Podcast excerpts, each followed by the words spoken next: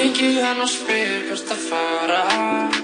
Nóttinn er svo vil, getur verið saman Þar er ekki að vera ég sjálfur fyrir framann hana.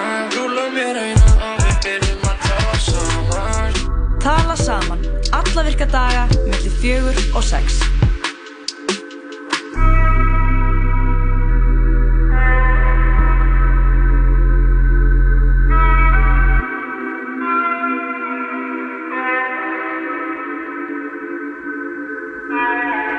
Já, kæri hlustandi, tala saman bara í tundur stemningu á þessum fína, fallega fymtudegi.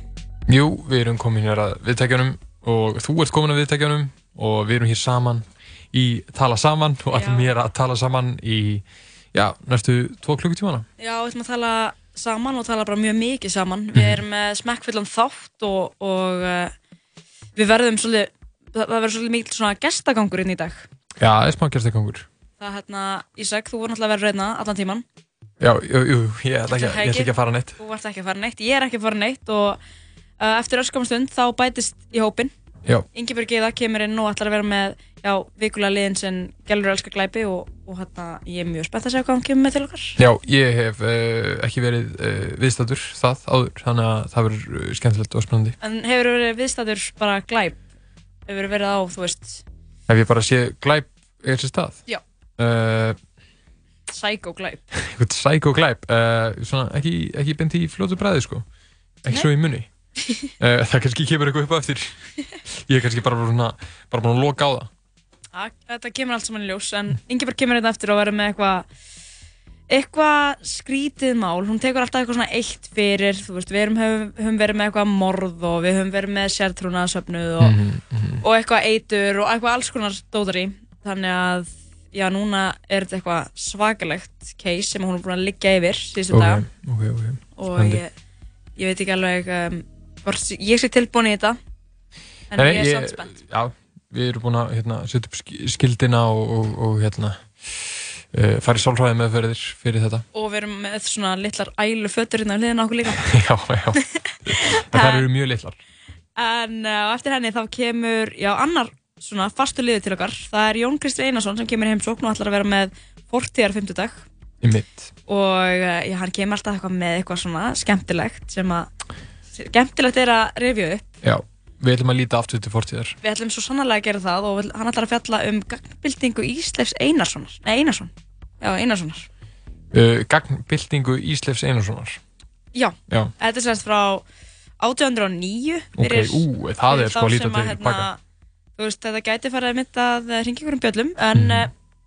en hann ætlar að fjalla um þetta og það verður uh, vonandi bara mjög fróðlegt og skemmtilegt. Já, ég ætla Svo að vona það.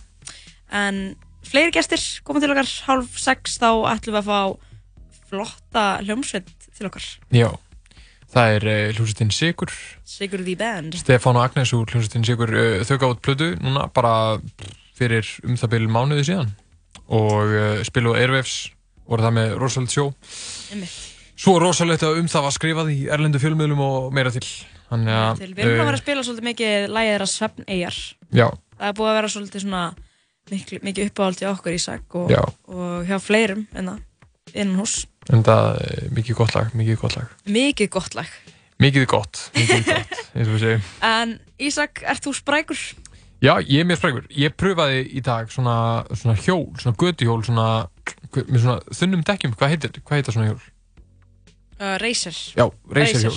já. Og fór í mér sér svona hjólabúning og fleira. Og það, það kom akkurat svona bara vond og mikið rigning og smá stormur og ég hugsaði, ég ætla að byrja á þessu þegar ég verð þrítur. Já, Það byrjum er þetta í sko- þrítu samanlskjöf. Þetta er alveg skemmtilegt sport, ég hef hoppað á svona hjól einhvern nokkur sinnum Já. um, Þetta er dýrt sport, en þetta er skemmtilegt Það er það málið. Já, þú veist, svona hjól er alveg vel dýrt, en ég meina, þetta endist vonandi bara Já, ég sá alveg fyrir mér að geta hjóla bara, þú veist, hjólað á Akranes og tilbaka. Já, já, já. Já, byrju, nei, þá verði ég að taka allan hverfjörinn. Það má náttúrulega ekki hjóla í köngunum. Nei, þá þurfti að vera með eitthvað svona eitthvað græjur kannski með ekki alveg það, kannski innir í Mosú. Já, til Þingvalla, kannski Já, já, já, ok, þér það of langt? þetta það er Heyrðu, kannski ég aðeins og hérna, langt. Um, Og skiptir En standard þetta var bara svo, Ég veit ma- þú veist, ég fór í svona galla, ótrúlega þröngan galla og sett á mig svona hjólakleru og var með einhvern hatt og bara einhver svona góðu gríni eins og maður gerir á 50 og mér, mér langaði bara að hjóla til eiliða sko. til eiliða núns En þú þurftir aðeins að bremsa og, og kíkja við í tala saman. Jújú takka hljókstunda endurheimt hér Það er slökun. Það er endurheimt í gangi En Ísak, eitt sem við gerum alltaf á 50 dögum mm -hmm. á þessum 40 að 50 dögum það er að við spilum alltaf, við veljum alltaf svona þema ár og spilum tónlist frá því ári. Okay. og við byrjum sko alltaf að vera með eitthvað svona frá 2000, 2001, 2003 og upp. Mm -hmm. svo fórum við lengra aftur. Svo byrjum við 1900 nei, 1990 1900 1900 þar sem menn eh, spiliði á bumbur sínar og, og þetta var búksláttur mikill en nú við byrjum í 1990 mm -hmm. og nú erum við komin upp í 1996 Þannig að það er svolítið, það er svolítið fyndið að við séum að spila tónlist frá árið sem við vorum um, ekki bara komin í heiminn. Uh, nei, ég var á ferðarlægi með föðu mínum á þeim tíma og þú líklegast líka. Já, ég líklegast líka, veit, hver veit hvar. Já. En uh, við ætlum að spila lög frá þessu ári og við erum búin að, ég er búin að finna nokkur svona erlend lög. Okay. En að þú þurfur að koma inn og aðstofa mig við að finna íslensku af því þú ert svona... Einmitt, einmitt þú veist, þú ert gömur sál, sérstaklega kemur að eða, tónlist aha, aha, aha. sem það er okay, okay, gamalt okay. rap eða, eða eitthvað svoleiði sem þú ert alltaf að, að benda mér á einhverju gömul íslensk lög Já, já, já, ég skal Þannig, hérna salna saman í smá sarp Þannig nú er tækifæri sko En við ætlum að byrja á einu lagi frá -hmm. árið 1996 Þetta er frægjuljómsveitin Fuji sem að flestir kannast við. Oh. og þetta er líklega sko ef ekki svona frægasta um, lægið þeirra sem er svona stjassað upp. Þetta er uh, ekki þeirra upprunnulega lag held ég en lægið heitir Killing Me Softly With His Song. Þú þekkir þetta? Já, gott um það, gott um það. Strumming my pain with his fingers Singing my life with his words. Killing me softly with his song. Killing me softly with his song. Telling my whole life with his words. Killing me softly with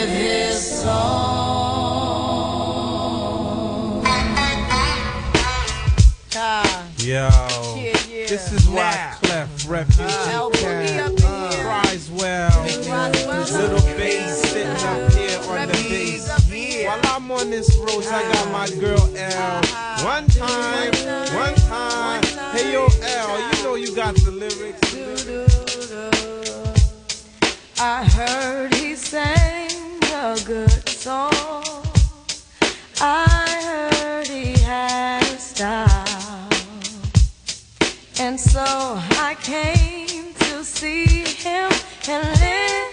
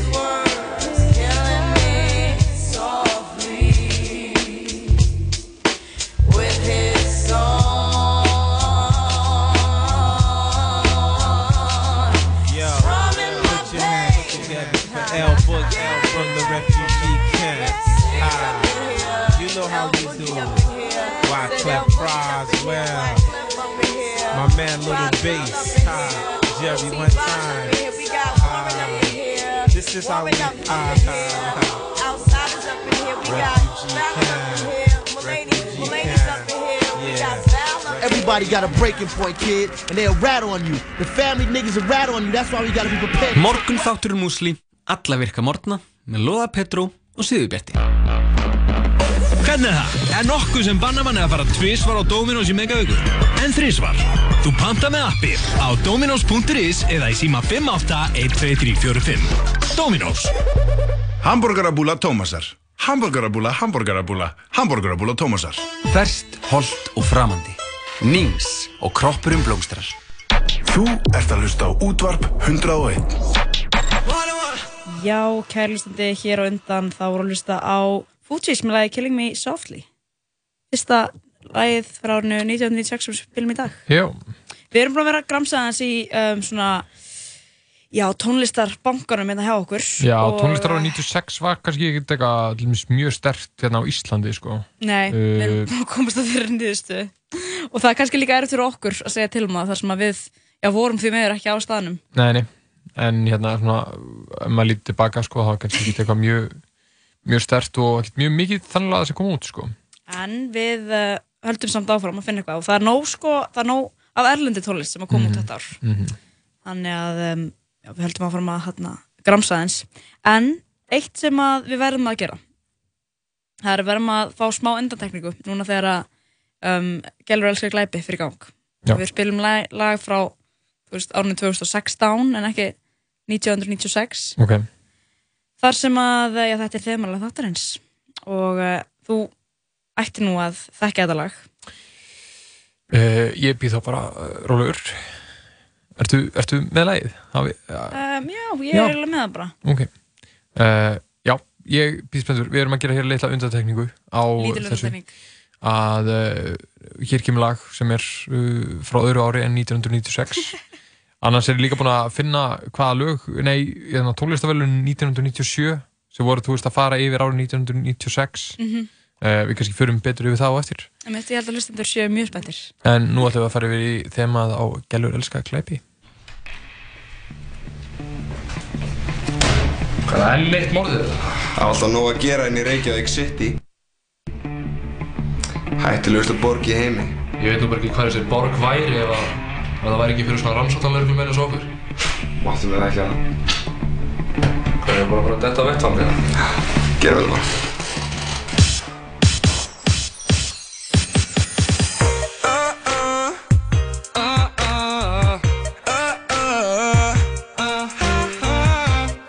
Tilengað öllum morðingjunum að núti.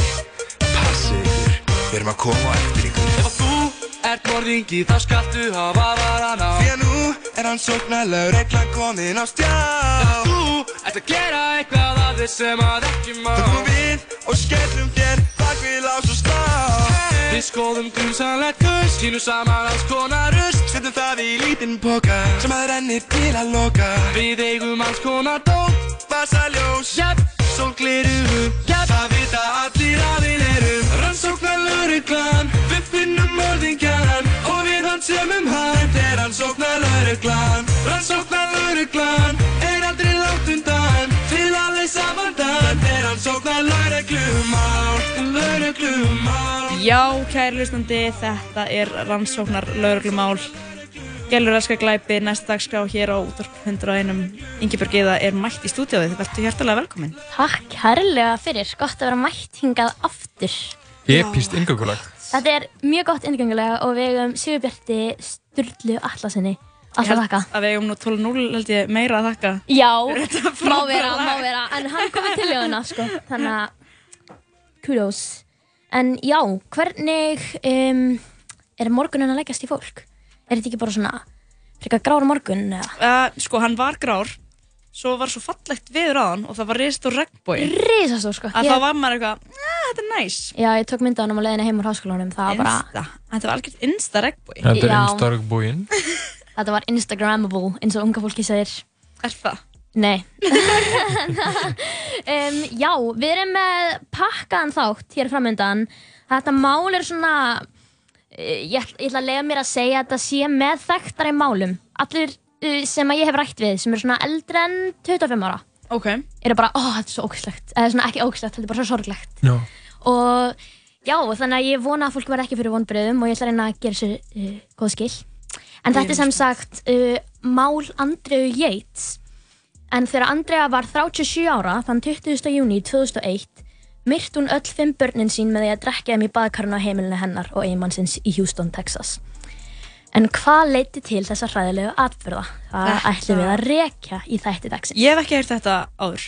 Nei, einmitt, já, úst, mér finnst þess að ég hef þetta en maður Já. vil helst loka á svona minningar. Einmitt, ég bara, ég, sko í síðasta þætti að það var ógeðslegur þáttur. Einmitt. Móðu mín sko hafiði orðaði við mig bara, þetta var of ógeðslegt. Þú veist, fólk getur ekki hlusta á þetta Þannig að uh, ég tók aðra konu fyrir Því að gælur elska glæpi. Mhm. Og það er Andrea Yates. Og ef við ekki bara dempa okkur í þetta? Það er við Ég- nóg að fara yfir Ég er til í þetta. Hvað hérna, bara let's go. Já, Ísak, ert þú tilbúin? Þetta er fyrsta skipti sem að þú ert í þessum þætti. Já, ég ætla bara að leggja leggist aftur, Já, loka augunum og meðtaka. Þetta er svona, er svona hlaðvarp í æð? Já, Ok. Andrea Yates fættist hann 2. júli 1964 í Houston, Texas. Hún var alltaf mikið fyrirmynda barn og ætíð mikill full, fullkomnunar sinni. Hún æfiði sund og var fyrirliði sundliðisins og dúksaði mentaskólan, eða því school í bandaríkunum, náttúrulega rauðsegi skólakerfi. Það gekk samt ekki allt í lindi hjá Andrea okkar þar sem að hún glýmdi við lótugræðki og þunglindi á úlingsárunum og tjáði vinkonu sinni þegar hún var 17 ára að hún glýmdi við miklar og alvarlegar sjálfsvíksöksanir. Og það er gott að hafa þetta svona bak við eirað fyrir framhaldið sem við förum í. Hún fór svo í háskólan í Texas og útskrifaði sem hjúgrunafræðingur árið 1986 og hóf þá að vinna á sjúkrahúsi. Og árið 1989 kynntist hún Rusty en hann var verkefnastjóri hjá NASA. Þannig að svona hátsettu maður og þau kynnast þannig að þau byggju í sama íbúðakjarna. Þetta var svona samegn og það var svona sundlaug í samegninni og hann hafði séð Andreu svona fljóta í sundlauginni eða svona, þú veist, Einmitt, enda sunddrottning mikil. Já, enda mikil sundrákning, reynda rétt. Og hann hafi eitthvað svona hugsað hún er alltof góð fyrir mig, ég myndi aldrei ná að kræki þessa, ó, eitthvað svona. En svo leiti eitt að öðru og hún uh, reyndi við hann fyrst. Og það var nú bara fyrir bestu því að 17. april 1993 gengu þau í hjónaband. Þetta var fyrsti kærasti Andru, bara ever. Og hún er hvað þarna uh, hún er 29 ára þegar hún Ok. okay. giftist honum Ok, ekkert að því Nei, ekkert að, því, en í einni heimildaminn sagði Rösti að Andrea var ekki mikil kynlífsvera og væri mjög spjörhætt og hún skipti bara um fötin í fataskóknum hennar og var lítið fyrir kynlíf jafnvel eftir að þið gengi hjónaband Mhm. þú veist, þannig að hún var rosalega órygg með sinn líkama og þú veist, vildi ekki að hann myndi sjá hana uh, Þau höfðu verið gift í tæft ár þá eignuðust þau sinn fyrsta son þrátt fyrir þessa mikla spjörhæðslu greið konunar og þetta var sonur þeirra, Noah og eftir þetta ákvað Andrea að hætta að vinna sem hjúgrunafræðingur og þetta er svona ákvörðun sem að margar vinkunar hennar voru ekkert sérstaklega hrifnar af en Rösti hjælti alltaf fram að ákvörðunin hafi verið einróma. Hana langaði til að vera heima með barninu hún væri móðir og það verið það eina sem að skipta henni máli núna. En Andrea var alltaf, vildi alltaf þóknast öllum og vera fullkomin og hafa allt tip-top eins og ég sagði á þann þannig að vinkonur hennar og svona fjölskylda og aðri nærðinni halda ég fram að hún hefði hægt að vinna bara alltaf að mæta kröfum Rösti sem að var svona hans hugmyndir um fullkomna fjölskyldu sem, veist, þarna, hvað er þetta, 1993 Mhm. að þú veist, uh, eða, já, fjögur þarna Þannig að hún er hérna er að uh, hætta að vinna. Já.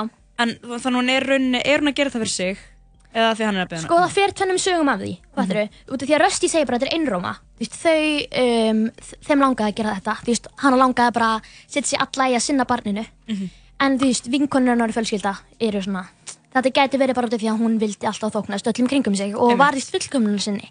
Þannig að kannski var þetta hennar leið líka að stíga inn í þetta fullkomla amerísk, ameríska lífstíl eða þannig. Sem að er svo þekktur, The American Dream en Andrea sagði samt síðar að eftir að Noah fættist hafa hann fengið hugs, hugsín eða offsjónir eins og kallað er vision á ennsku um hníf og langanir til að stinga eitthvað Ok Ok. Hann fann sataninni ásækja hugsanir hennar og tala við hana. En hún saði samt aldrei neinum frá þessu því hún var alltaf að halda í þessa ímynda að hún ætti að vera fullkomin. Og vinkonur hennar sem að komið fram í heimildum minn sem ég horfði á um þetta mál, sagði bara því, veist, ef að Andrew langaði ekki að segja þér eitthvað, þá gaf hún engin merki eða vísbendingar um að eitthvað veri að, fatturu. Hún held öllu mjög nærri sér. Bara, var ekkert að gefa neina vísbendingur um að eitthvað væri að, því það myndi náttúrulega fara gegn þessum fullkomna heimi. Um, en það hefði verið svo auðvelt að grípa inn í á þessum tímapunkti að hann hefði bara sagt ykkur um frá. Á næstu fjórum árum eignuðist Andri og Rösti tvö börn til viðbótar, strákana John og Paul. Og það sem er hins vegar verðt að nefna er að Andri og Rösti voru mjög kristin, auk þess sem þið aðhylltust predikara sem predikaði svona aðeins öðruvís og strángari tólkun á biblíunni. Eins og við hefum kannski rætt nokkru sinnum í sem þetta í ykkurum svona sértrúasöfniðum að þá aðhylltust þau predikara sem að hétt Michael Woronicki og hann, og Woronicki fyrir geði og hann var svona, þú veist, ég ætla ekki að fara mikið út í þetta en aðalmálið er veist að uh, allar eignir það bara að vera í fastri vinnu að eigi eitthvað húsnæði það verið satanist og væri að vinna gegn guði. Og veist, þau voru með rosalega svona hvað segir maður svona um, aggressívar predikanir að bara götu úti og hefði oft komist í kastulögin og hefði þurft að flýja Michiganar sem í byggu og voru bara inn og út á svona stopnunum og veist, þetta var svona stygt lið Þannig hann, hann predikar fyrir því að vera eignalaus. Já, já, já, þetta er svona minimalísku lífstíl einhvern veginn, Já. en samt þú veist bara frekar brenglaðar hugmyndir, sko. Uh Og uh, eina ástæðin í rauninni af hverju þú veist, að þau komast í kynni við hann er að Rösti hafi verið með honum í háskóla og hann hafi kynst, kynst honum þannig. Og já, um, margir haldaði fram að það sé mitt vegna þeirra sem að Andri og Rösti fluttu með börnin sín þrjú í hjólhísi. Því að það var, veist, trúin þeirra hjá voru nýki hjónunum og börnunum þeirra að eignir væri sataníst. Eða þú veist, þú ættir ekki að gera neitt umfram, veist, ekki, ekki neina græðki eða þannig. Og ekkert umfram það sem þú þarft. Og þegar þau fara svo að auglýsa að nota Greyhound rútu í svona fréttareiti voru nýki hjóna að þá kaupa þeir Greyhound, rútina og flytja inn í hana með börnin sín þrjú og þetta er sko 33 33 fermetra rúta með þrjú börn Ok, Wow. það er ekki mikið. það er, ég sko átta mig aldrei á fermetrum en ég get rétt svo ímynda mér að það sé mjög lítið Já, það er allavega ekki stórt. Það er bara til eitthvað svona ein max stærðarútu sem er ekkert endilega það stór. Nei, nákvæmlega, því bara svona og En líka ef við þetta ímyndum okkur bara íbúð sem er, þú veist, 40 fermetrar, Mhm. þá Hvernig eignast maður íbúð? Birna, Næsta segð þú mér það. Birnæg fyrir með þetta hérna, í næsta einslægi en bróður Andru segir að lífið í rútinu og alla barnir, barn, barnignirnar Jeremías hafi aflaust haft mikil áhrif á hana og til að bæta gráðan og svart var hann einnig að sinna föðu sínum að mikill álú, alúð álúð, en hann var mjög veikur af Alzheimer. Þannig að þú veist, það var svona, alla barnignirnar hefði verið að, þú veist, hún sá bara ein um heimilið, fattur Einmitt. hann var the breadwinner eins og maður segir okkur í íslensku. Sækja brauðið. sækja pókan uh, og um, veist, hún var bara ein fattar þið og var eitthvað svona inn í þessari, eins og ég er búin að nefna svo oft þessari útópísku, amerísku fjölskyldu ímynd. Og það sögðu margir sem að byggja í þessu hjólísakvarfi þar sem að þeir voru með rútuna að bara því það væri mikið álag á henni og hefði kvart röst í til að hjálpa henni. En hann segði bara, það er skýr verkaskipting á heimilinu. Eða þú veist, öllu heldur rútunni. Rösti sá fyrir fjölskyldinni en Andrea sá um börnin og heimilistörfin auk þess sem hún syndi heimamendun barnana Veist, Já, það voru ekki í skóla. börnin voru ekki eins og í Þannig að hún var skóla. bara með þau allan tíman. nákvæmlega bara 24-7 og um, Rösti sagði líka alltaf að þau myndi eignast eins mörg börn og Guð myndi leifa þeim. Þetta var þessi kristna fjölskylda og þeir eru svona holdgerfingar kynnahlutverkana og þessum tíma þróaði Andrea mjög náið samband við voru nýki hjónin og skrifaði þeim alls konar bréf þar sem hún sagði frá sambandinu síni við Guð. Og Rachel Voroniki sem er kona Michael svaraði henni og sagði henni og, og það sem hvernig þetta virkaði þú sendir svona bréf inn til þeirra og þau réðu út frá því hvað væri að þér. Þú veist, þú lísti sambandinu með Guð og þau sagði þér þú þarft að bæta þetta, þetta er það sem er að þér. Þetta er hvað ég menna. Já, ok, ok. þannig að um, hún sagði að hún væri norn og hún væri göldrótt og ill norn og afkomandi Evu og voru nýki hjónin trúið að, að Eva hefði verið norn. Og að hennar tími, sem sagt tíma Andreu, til að breyta sínum siðinum og komast til himnaríkis var að renna út Þær trúðu að allar konur hefðu nornalegt eðli í blóði sem þær hefðu í blóðinu sem þær hefðu fengið frá Evu og þess vegna ættu konur alltaf að vera undirgefnar körlum í öllu. Já, þetta er mjög eðlilegt.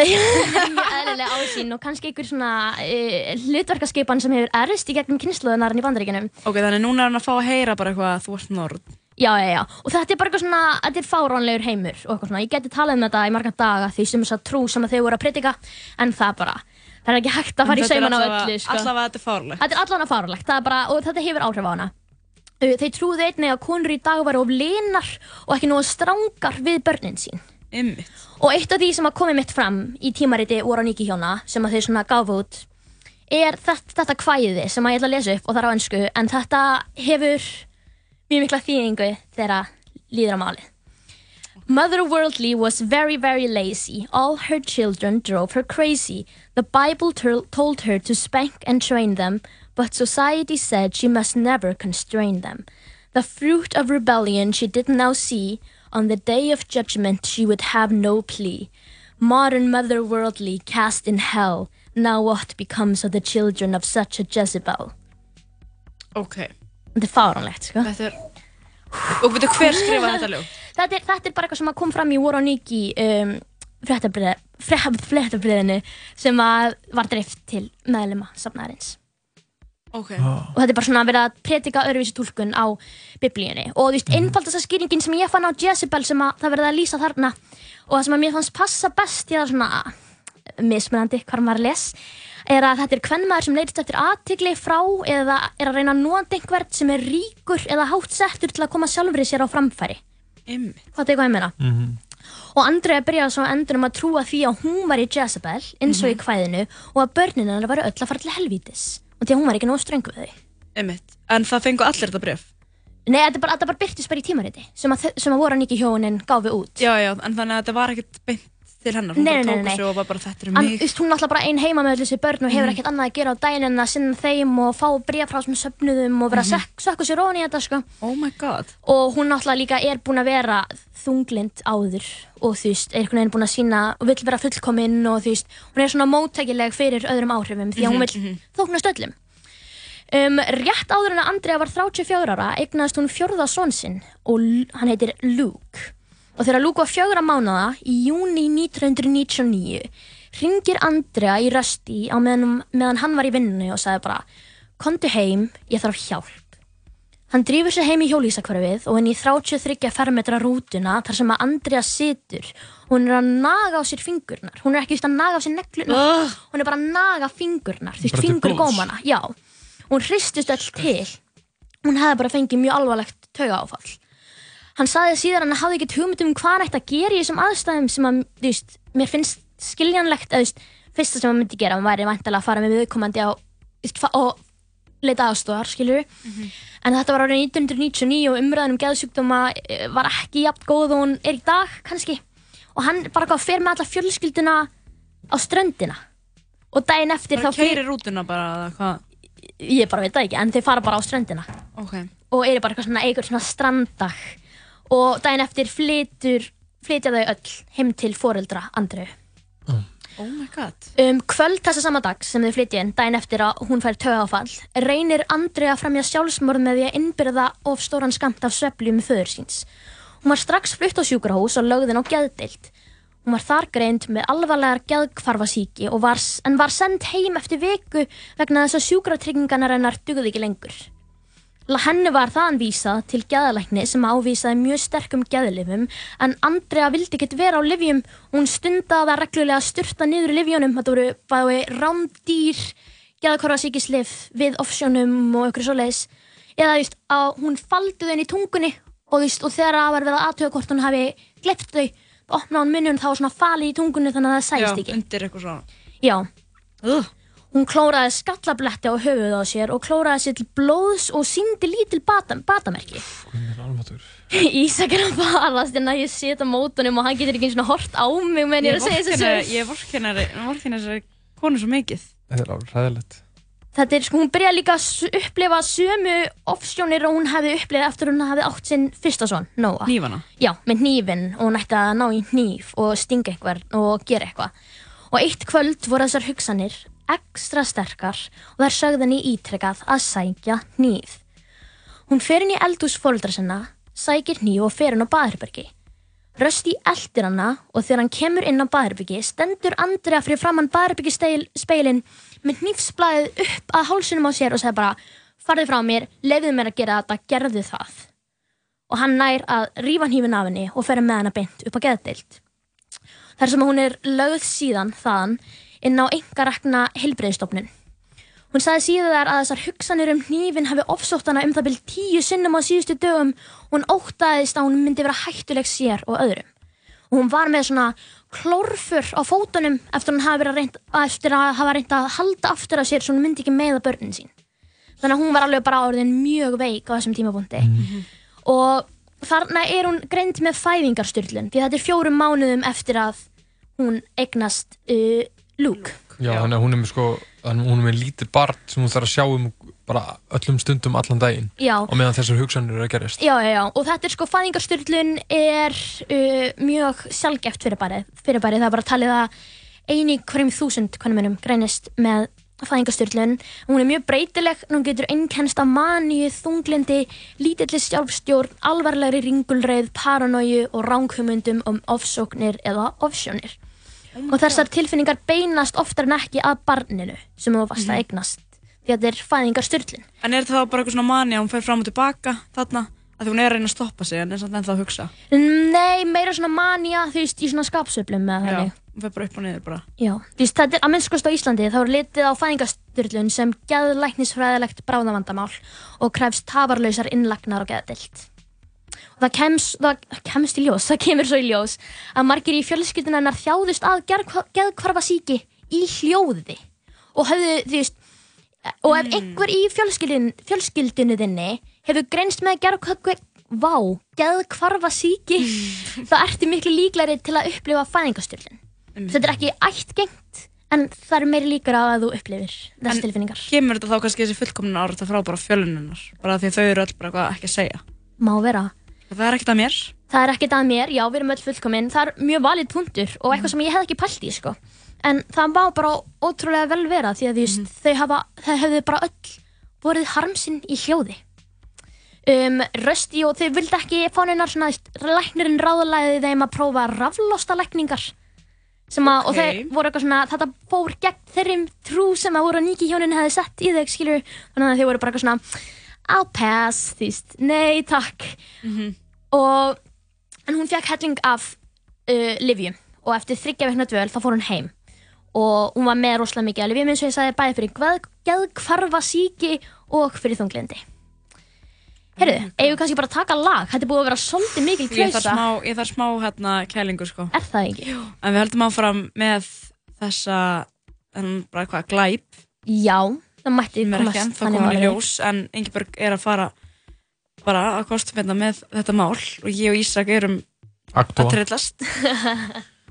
en við ætlum að halda áfram í tónlistar árinu 1996. Þetta er Smellurinn, No Diggity, Dr. Dre, Blackstreet og Queen Pen. Hey. Yeah.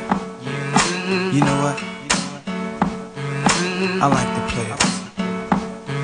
No diggity, no doubt. Play on, play it. Play on, play it. Yo, Dre, drop the verse.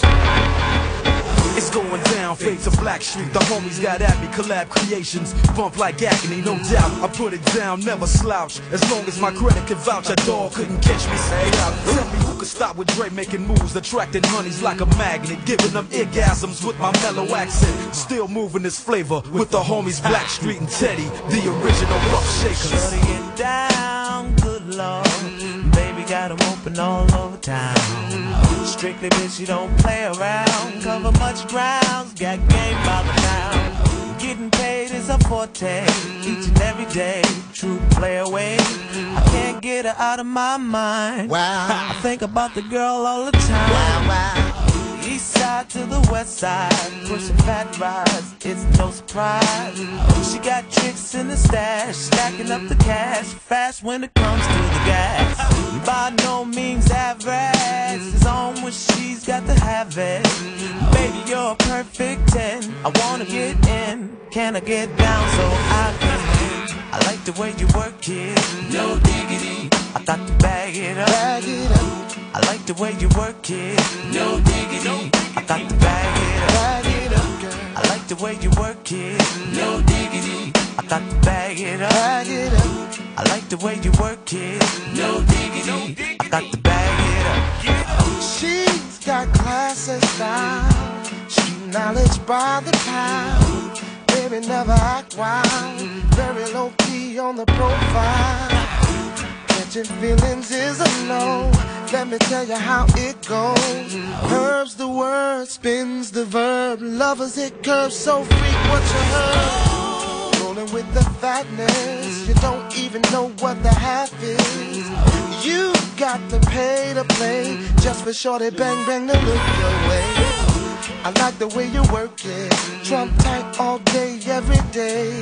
You're blowing my mind, maybe in time, baby I can get you in my ride. I like the way you work it. No diggity. I got to bag it up. Bag it up. I like the way you work it. No diggity. I bag it up. Like the way you work it. No. I bag it up. It babe. I like the way you work it. No diggity.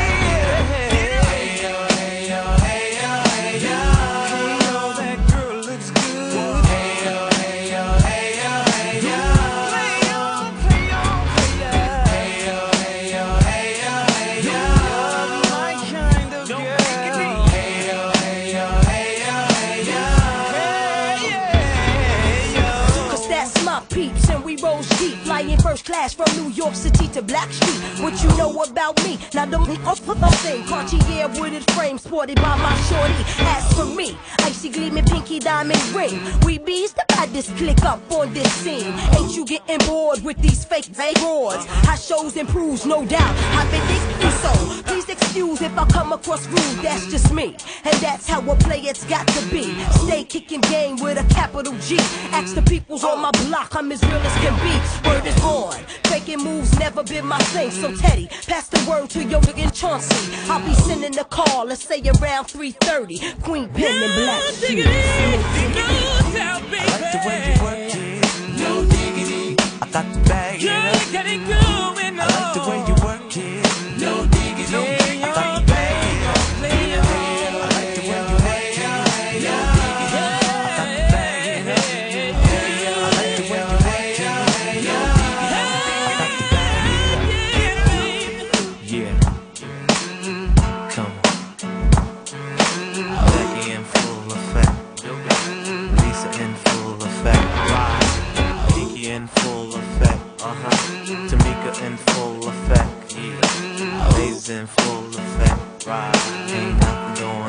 But the rain. Yeah. Play on, play it. Play on, play it. Play on, play on, play on, play on. Cause I like it. Right. No diggity. Já, það er lagið No Diggity hér út af fundrainum sýtist afturinn tala saman sem heilsa er á þessum já, fína fimmtudegi. Við erum stödd í miðju einslægi hjá Ingeborg Eiði í hérna Gælur elskar glæpi. Heldur betur. Úff maður, eigum við að halda áfram með þetta?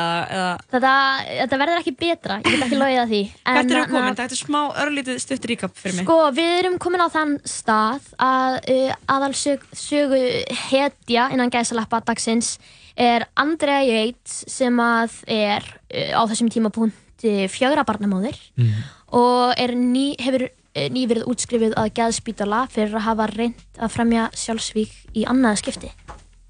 Á, á innan við tveimur árum, minni mig. Þannig að, já, það er ekki allt gott að frétta af Andreu okkar. Hún er komin aftur með eitthvað snífshugsanir. Já, já. Og núna er hún, eftir þrjár vikur á geðspítalanum, er hún útskrifuð með fjöldanellan af livjum og meðan að Andrea hafi verið á geðspítalanum hafi Rösti keift fjögur að herbergja hús fyrir þau þar sem að móðir Andreu var mjög hörð á því að geðhilsa Andreu ætti að koma á undan einhverjum trúabröðum sem vildi meina að veri syndað eiga eignir. Og þetta er einhvern veginn að mínu mati eina rétta ákvörðunin sem hefur verið tekin af fjölskyldinni bara í kringum hana. Já. Bara, víst, mama knows best, er það ekki sagt á útlenskunni? Víst. Jú, er það ekki? Jú, jú. Mamma mann sveit einhvern veginn alltaf best og Já, það, mamma veit best. það er enda rétt Mamma sko. veið best sko.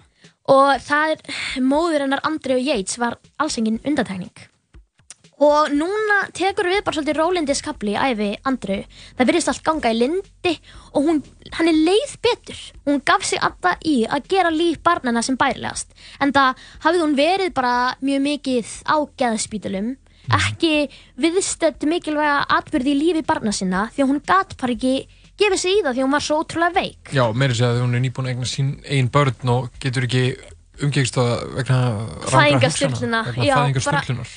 þetta er ótrúlega sorglegt. Og þú veist, börnin voru líka ótrúlega gáfið og, veist, og fólk hafði alveg orðað því að börnin væri mjög hæfileika ríkir teiknarar og eitthvað svona, alveg bara svona einhver undra börn þó þau værið heimamentuð sem kannski tíðkast ekki jafn mikið á Íslandi kannski og út í bandaríkunum og na, en veist, ég get ekki ímyndið mér annað en að uh, hún hafi staðið sér vel í þessu hlutverki, víst þau voru svona flinka að teikna sko. en í nóvember 1999 fjórum, fjórum mánuðum eftir síðari sjálfsvíkstilraun Andreu ákveðu Yates hjónin að eignast annað barn. Þetta var þvert á allar ráðleggingar lækna þar sem að just, ef þú hefur upplifað fæðingastyrlun og verður svo ólétt aftur eru 70% líkur á að fá þér aftur fæðingastyrlun. Mm. En Rusty lísti þessu orðurétt svona og þetta er áinsku If you're offered a new Mercedes-Benz but you get the flu for two weeks, would you take it? Þetta er Ok. fáranlegt Vist, hann er svona líka því að bara eitthvað svona um, Já, ok, Andrea gæti fengið flensuna innan skæsalappa í tvær vikur en er samt æfileg hamingja að eignast barn bara, Já, þannig að þetta er kannski smá svona afnitun. Já, og líka bara hann er ekkert upplifað þetta, þetta er konan hans Já, já.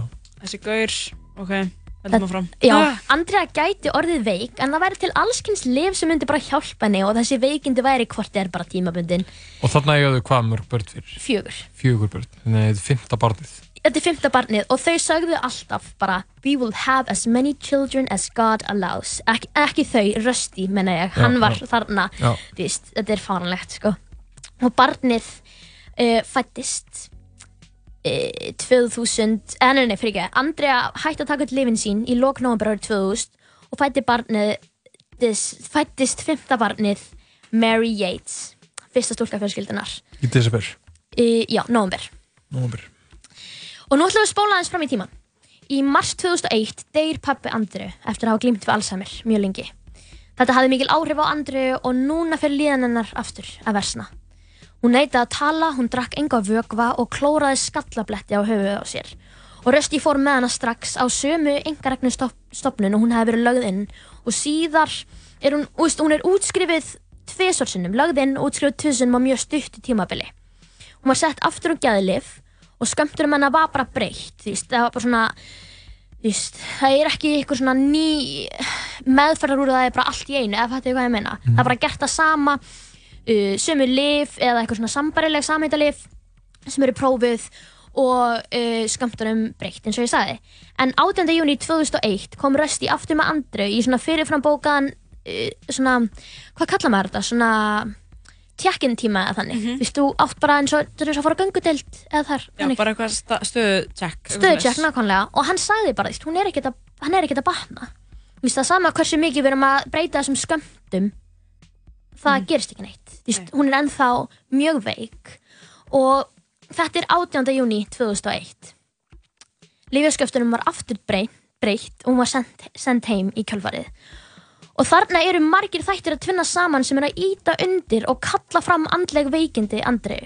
Fæðing barnarinnar og fæðingastjörlunin sem fylgir, Michael Warreneggi og predikanur hans sem eru vægast sagt báðasamar og auðvitað dauði föðurinnar. Så þetta er svona bara högg og hana högg og hana högg skilur við. Hún nær aldrei einhvern veginn að koma sér upp aftur nema á þessu fjóra mánuða tímabili hana í kringum aldamótin. Einmitt. Þannig áram, eh, áramótin 2000, Hún 2001. nær, hún nær aldrei sinni endurheimt Nei, það er rétt. Þetta er samstarf við aðeins meira bara gym með unnar helga. Nei, en þetta er bara tímaspursmál hvernig eitthvað myndi bresta. Að morgni dags, þann 20. júni 2001, fór Rösti í vinnuna og skildi Andru eina eftir með börnin. sem var þvert á allar ráðleggingar geðlækna að hún mætti ekki vera ein og hvað þá ein með börnin. Rösti hefði beðið móðu sínu að koma til Andri um það byrja klukkutíma eftir að hann fór og þetta var eitthvað svona á milli 8 og 10 sem að hann er að fara og hún er að koma og eitthvað svo leiðis. Þannig að hann örlaga ríka morgun hafði Andra hins vegar ákveð að tryggja það að börnin hennar myndi fara til himna. Og þessum klukkutíma ramma drekt hún öllum börnunum sínum fimm. Hún byrjaði á John, Paul og Luke sem voru miðjubörnin og laði þau þá svo á hjónarúmið. Nei. Síðan drekt hún Mary, yngsta barninu sem var þarna einungis sex mánada og skildi hann eftir fljótandi í baðinu. Noah, elsti sonurinn sem var þá 7 ára, hafði átt að sjá hvað var að gerast og reyndi að flýja en móður hans hafði náðunum að lokum. Hann varðist harkalega og hjælt að það væri bara verið að skamma hann og alltaf þegar hann náði svona kollinum upp frá vatninu þá sagði hann Mommy, I promise I'll be good. Oi! Svo, Þetta er alveg ógislegt sko. þetta er ótrúlega bara sorglegt og ræðilegt. Ingibjörg. Hún skildi hann eftir í baðkarinu, setti Mary í faðm John sem hafði alltaf passað litlu sýstu sína og hún vonaði að hann myndi gera það í himnaríki líka. Andrea Yates ringir svo í 911 og segist þurfa aðstóða lauruglu en sagði aldrei af hverju. Hún ringdi síðan í Röst- Rusty og sagði hann um að hann þyrfti að koma strax og hann vissi strax að þetta væri eitthvað hræðilegt, já, síðast þegar hún ringdi í hann og baði hann um að koma heim úr vinnunni þá hafði hún fengið tauga áfall. Með puttana þarna og eitthvað. Já, einmitt. Og hann spyr bara, er allt í lagi? Hún bara, nei. Er eitthvað að börnunum? Já. Hvaða barni? Þeim öllum. Og þegar Rusty kemur heim, þá hefur lögreglan nú þegar girt af heimilið þeirra með gulum borða. Lögreglumenn uppgötuðu fjögur börn undir laki á hjónarúminu og nóa litla fljótandi í baðkarinu. Stuttu setna var Andrea leitt út úr húsinu í handjárnum. Hárið hennar og fötin hennar voru ennþá blöyt af baðvanninu. Aðspurð af hverju hún framdi laurugluna, nei, framdi voðaverkið, sagði hún It was the seventh deadly sin. My children weren't righteous. They stumbled because I was evil. The way I was raising them, they could never be saved. They were doomed to perish in the fires of hell. Andrea var vissum að djöðlinn sjálfur, eða Satan, hefði tekið sér fótfestu í líkama hennar og að hún væri Jezebel sem við tölum um áðan í ljóðinu. Eins og hún hefði líst í kvæði í fréttariti voru nýki. Við réttarhöldin sótti ákæruvaldið hartað Andreu og ákærði hana fyrir, ekki bara fyrir morðið, fyrir ekki, bara fyrir morðið á tveimur börnum og Mary Bell sem var ungbarnamorð. Því að þeir vildu eiga þessar tvær ákærur inni í, va í vasanum, inni bara, ef að eitthvað skildi fara úr skeiðs fyrst í réttarhöldunum.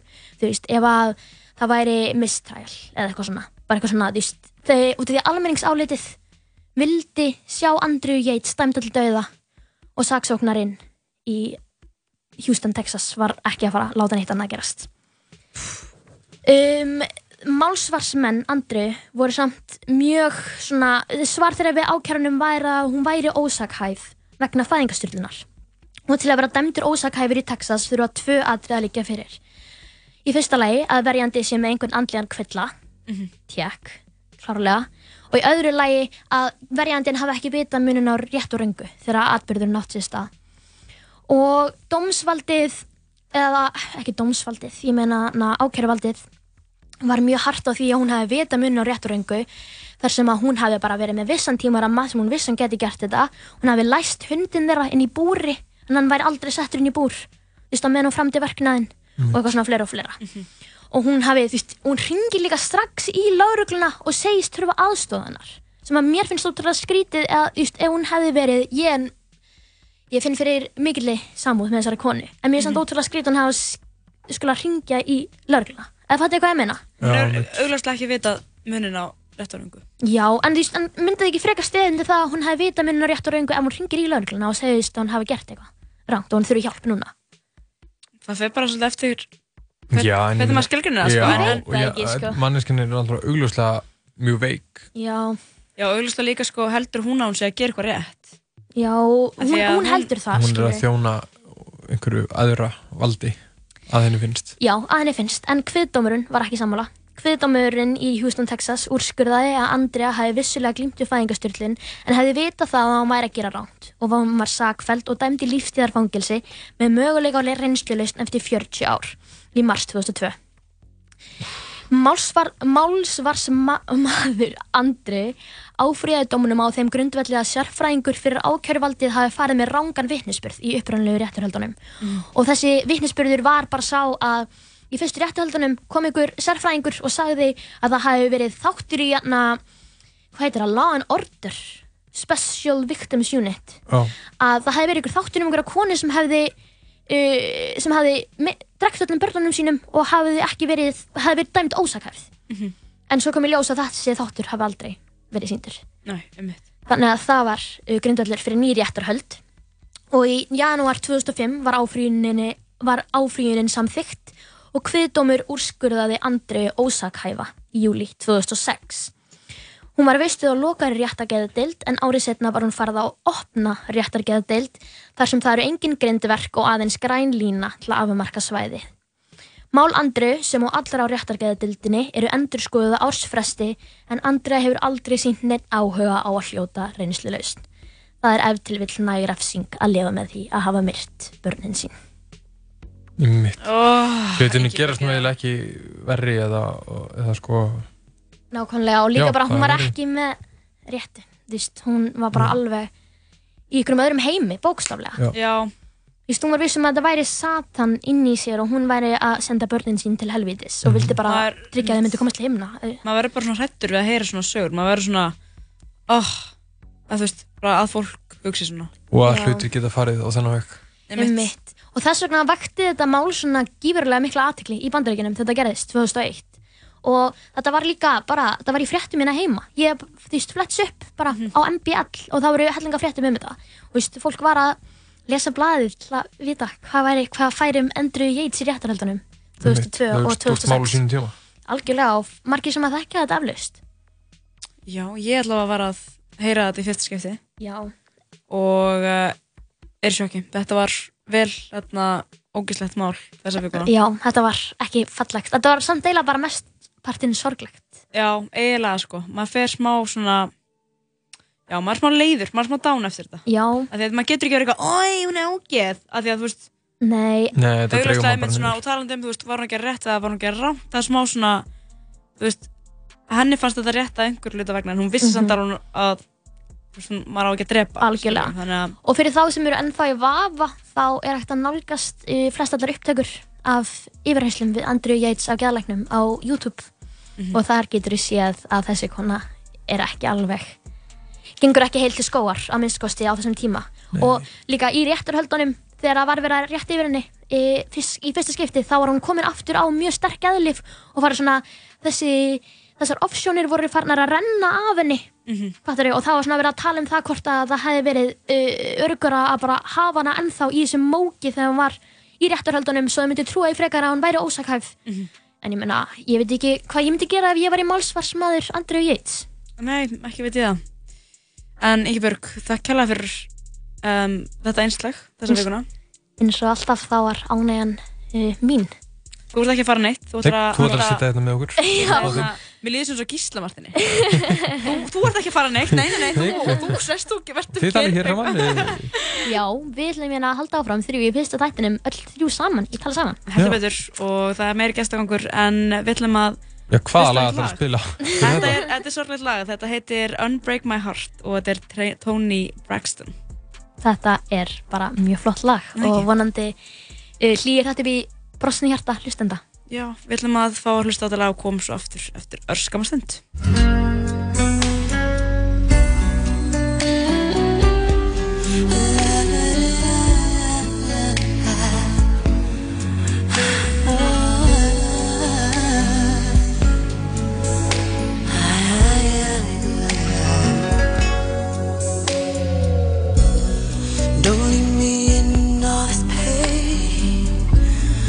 Don't leave me out in the rain. Come back and bring back my smile. Come and take these tears away. I need your arms to hold me now. The nights are so unkind. Bring back those nights when I held you beside me.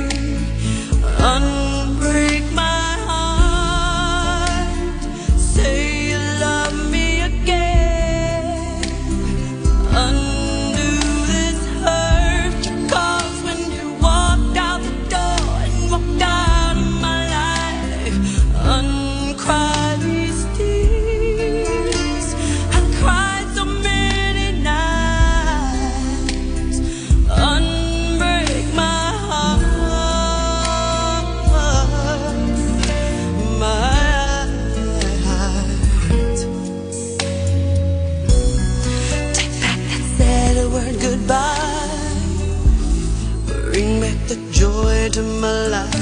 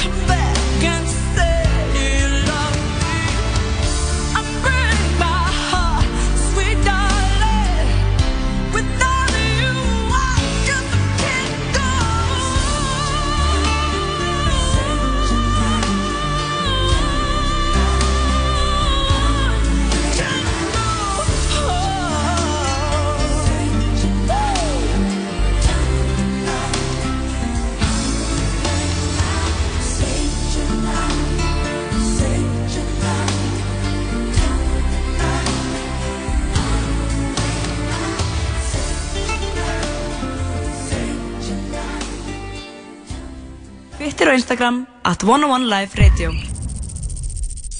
Big Trouble er nýr sérborgari á American Style í bóði í takmarkaðan tíma. Velkomin í sambandið. Símafélag framtíðarinnar. Já, velkomin í þáttinn Tala Saman. Þetta er uh, stútfullt stúdjó sem að, já, tekur á móti þér kæri hlustandi. Allt er þegar fernt er eins og skáldi sagði. En Ingeborg Eða er ekki bara neitt og við erum búin að bæta, já, við í hópinn. Það er Jónki, Jón Kristinn Einarsson kominn. Sælublesaður. Blessuðu. Jónki, finnst þér óþægild ef ég kallaði það? Nei, það er fínt. Það kom sko svipur á þig. Svipur á mig. Þú ert bara Jónki fyrir mér, Já. það er bara svoleiðis. Það er gott að vera komin. En uh, Jón Kristinn, þú ert vanur að mæta einhver til okkar á 50 dögum með alltaf eitthvað, eitthvað svona fortíðar pakka. Já, einn lítinn. Já, þeir eru litlir og þeir eru stórir og... Fortíðar bökull á þessum uh, 50 degi. Hvað ertu með fyrir okkur í dag? Herðu, við ætlum að tala um hérna atburði sem uh, áttu sér stað hér á landi sumarið 1809 Ok. ja, einn ánga af þeim atburðum, getur við sagt Einmitt. og uh, já, svona fyrir þá sem ekki muna þá er hérna verður sem sagt bylting eða valdarán um, á Íslandi sumarið 1809 Alveg rétt. og um, þetta er í miðjum uh, Napoleons styrjöldunum. Og það sem hefur svolítið verið skorið á tengsl Íslands við Danmörkur um, vegna stríðsins það er sem sagt hernaður uh, út á hafi sem veldu því og, og verslunabann, hafnbann í Európu og þannig að það hefur sagt tvíþættir afleðingar um, annars vegar eru minni samskipti en ella milli um, Íslands embætismannana á Íslandi og, og miðstjórnarinnar í Kaupmannahöfn. Og hins vegar er einfallega skortur á matvælum á Íslandi, það er ekki jafn mikið flutt inn Mhm. og í, í venjulegu ári. Og þarna eru við undir Danaveldi. Já, þetta er tími innveldisins Já. um, að Besti mati. hérna, Nei, er ekki því. En það, já, það er já, danskur uh, stiftatmaður sem að ræður lögum og lofum Íslandi, Trampe, Greifi. Um, og það er sagt lítið fluttið inn af hérna, nöðsynjavörum vegna þess að skipakomur eru fáar um, og mitt í þessu öllu saman þá er um, það er sagt ennskur sápukaupmaður Samuel Phelps sem að frettir af uh, hvernig er ástatt fyrir Íslandingum Mhm. uh, og hann hérna eftir svona það ákveðin atbyrður sem á sér stað í London Mhm. meðan Íslandingar koma að en við höfum kannski ekki tíma til að reykja lungumáli hér en hann sér tækifæri, hann getur komið til Íslands með uh, vörur, nöðsynavörur uh, sem Íslandingar vantar og fengi tólk í staðinn og hann, sagt, hann er með sápuverksmið í London Mhm. uh, og hún- hún var staðsett á í hérna, Suðurbakka Thames þar sem að hérna uh, National Theatre er held ég í dag ykkur er kannski kannast við það Mhm. um, og hann vantar tólk vegna þess að tólk? Já, bara sem sagt tólkarkerti, feiti Já. uh, sem að uh, þarf til að framlega sápu. Og vegna styrjaldrarnar þá hefur það er ekki geta flutt hann inn. Um, og svona til þess að gera langa svo stutta þá í júni 1809 kemur hann til Íslands með áhöfn og uh, danskan tólk mannanafni Jörgen, Jörgensen. Ekki flókið. ekkert, nei nei. Hann var hann sérst líka í London um veturinn sko, og er fenginn til að vera túlkur hann hafði reyndar komið fyrr um veturinn til Íslands og, og reynd að versla en ekki fengið, en Phelps hafði ekki komið með þá. En allavega þeir komið hingað í júni og uh, á undan þeim hafði komið brest uh, herskip sem að hafiði samið við stiftatmannin um það uh, að þeir fengið að versla. Og svo þegar Phelps mætir þá er Trampi stiftatmaðurinn búinn að banna alla verslun.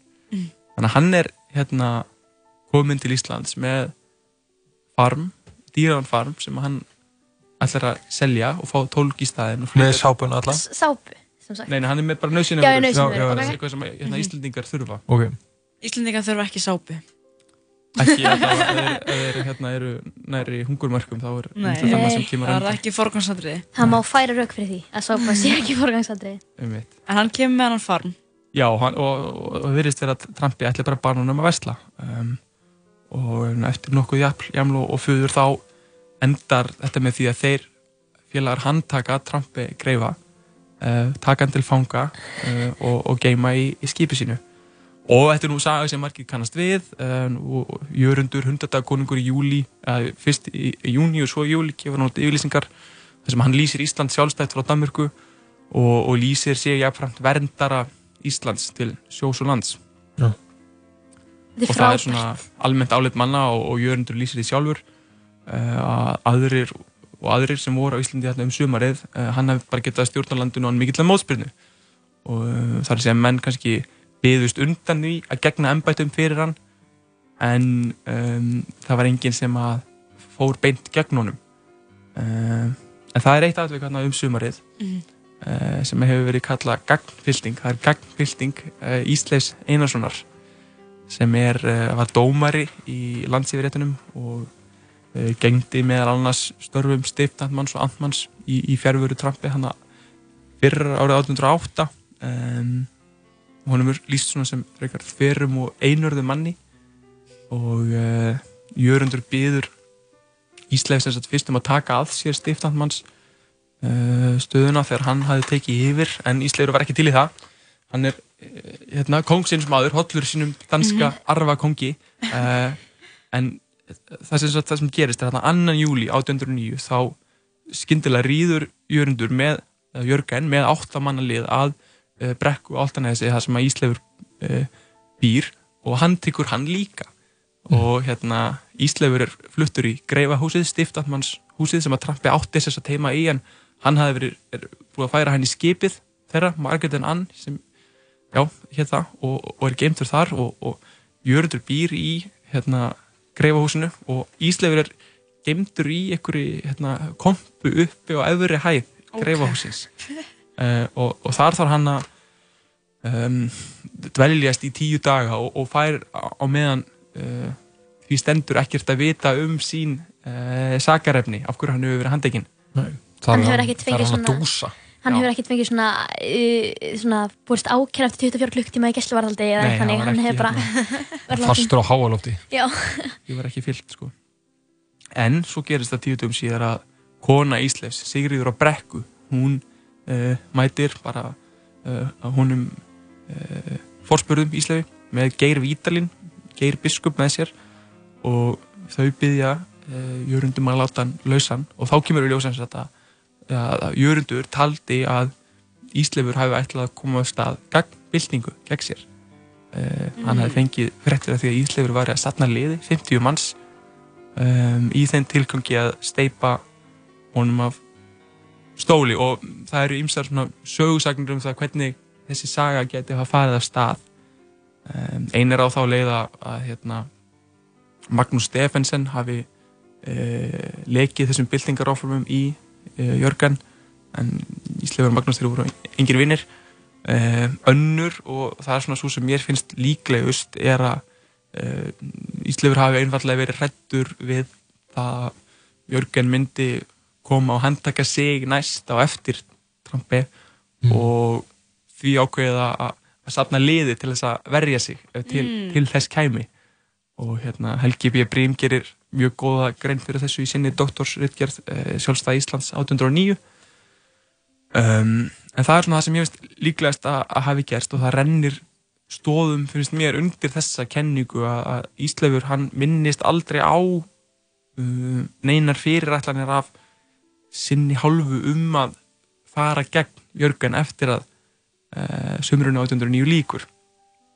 um, þó svo að það hefði náttúrulega átt að vera honum í haga halda því á lofti að, þá, að þá hefði hann verið sem sagt, eini maðurinn sem að gera tilrönd til þess að rýsa upp gegn uh, ógnarstjórn uh, Jörgensens af því að það er náttúrulega þannig að hérna, eftir að þessu öllu saman líkur um haustið og hérna Phelps er dregin fyrir dóm í, Breitlandi og eðlileg stjórn kemst á aftur á Íslandi Mhm. um, þá verður mjög vandrarlegt fyrir íslenska embætismenn að hafa lift þessu að gerast að hérna kemur hérna vestlunarleðangur Mhm. þeir handtaka bara uh, mannin sem er framkvæmtastjóri yfir öllu landinu og enginn gerir neitt nema þeir svona einhverjir uh, vilja kannski ekki starfa með honum Einmitt. beint en uh, í rauninni er enginn sem uh, rís upp á mótunum þannig séð ótrúlega meðvirk þjóð eitthvað bara búið að herrtaka stiftandmannin og það er bara svona, aðja, ok, við skulum ekki versla sápu við hann, eitthvað svona, víst, eða nöðsynni veru, afsakið bara eitthvað, en þessi Trumpi var ekki Trumpi greifi? Jú, hann er, Er hann ekki, er hann ekki þekktur fyrir að hafa verið á þjóðfundinum og stýrt þjóðfundinum? Hvað er það? Já, það er annar Trump Er það annar? Já, já. Andjóks, ég ætlaði að vera svo cool að koma með eitthvað en nokkrir, einn sko. En Ég þekki, já, ég þekki til. Þetta, já, þetta nafn hefur svolítið slæmt svona orðspor í, í hérna, Íslandsögun á 19. öld Já. En þetta er svona, þetta er svona lítið, uh, lítil saga úr þessu byltingar sumri sem að er svolítið áhugaverð og er kannski ekki oft fjallað um þegar það er talað um Jörund, alltaf talað um Jörund og hann var að gera Mhm. þetta en svo gleymast þessir uh, auka leikarar Mitt. oft. En þetta sumar 1809, um, hvað, sko, fyrir mig sem svona inn almenna um, unga Íslanding, þarna, hvað hafði þetta í för með sér? Þú veist, Hverju voru afleggingarnar? Þetta er lítil saga úr frá þessu sumari, en hvað svona? Já, í, í rauninni ekki neitt sko, Nei. hérna, það, hérna í ágúst kemur uh, breskur ma maður úr, úr breska flótanum Alexander Jones á skipurinn Talbot um, og hann sér bara hér er eitthvað ruggl í gangi og Mhm. hérna uh, þeir eru bara teknir og farið með það aftur til Englands Jörundur og, og Phelps og Trumpi fyrir leiðinni með þeim til Englands til þess að kæra það á þar fyrir yfirvöldum og Magnús Stefensen tekur að sér um, störf styrnandmanns uh, svona, til bráðabyrða en í rauninu það bara fellur allt í sama horf aftur Já. og það er það sem er svo áhugavert sko, það, menn er að reyna að láta eins og það bara, það hafi ekkit í skorist Mhm. Einmitt. þetta verður svolítið vandræðilegt en einhvern veginn hefur ekki neina langtíma afleðingar þannig sé, ekki nema kannski það hann er að orða þarna hluti sem að höfðu ekki verið orðaðir áður og það er hérna sjálfstæði Íslands um, og, og áttu ekki eftir að koma í uh, koma til tals af neinum, neinum alvarleika fyrir kannski uh, á 20. öld eða seint á 19. öld Já. þessi, þessi sjálfstæðis baróta uh, 19. öldar einkennist af kröfum um aukna uh, sjálfstjórn og heimastjórn og eitthvað, eitthvað svona lögjavald innanlands uh, en ekki fullt sjálfstæði frá uh, dönum Einmitt, þannig Hvað þá frá danska konginum? Já. Þannig að vera eitthvað svona smá, kom, byrja að myndast eitthvað svona stolt og eitthvað svona, Já, kannski má greina einhvern vísi að einhverju hérna, byrjun á einhverju þróun þannig að mögulega Algjörlega. Og líka bara hversu eftir ári Íslandingar í öllu þegar að einhver maður frá Breitlandi er komið hugmyndir um sjálfstæð Íslands á undan þjóðinni sjálfveri. Bara eitthvað sápu gerðan maður.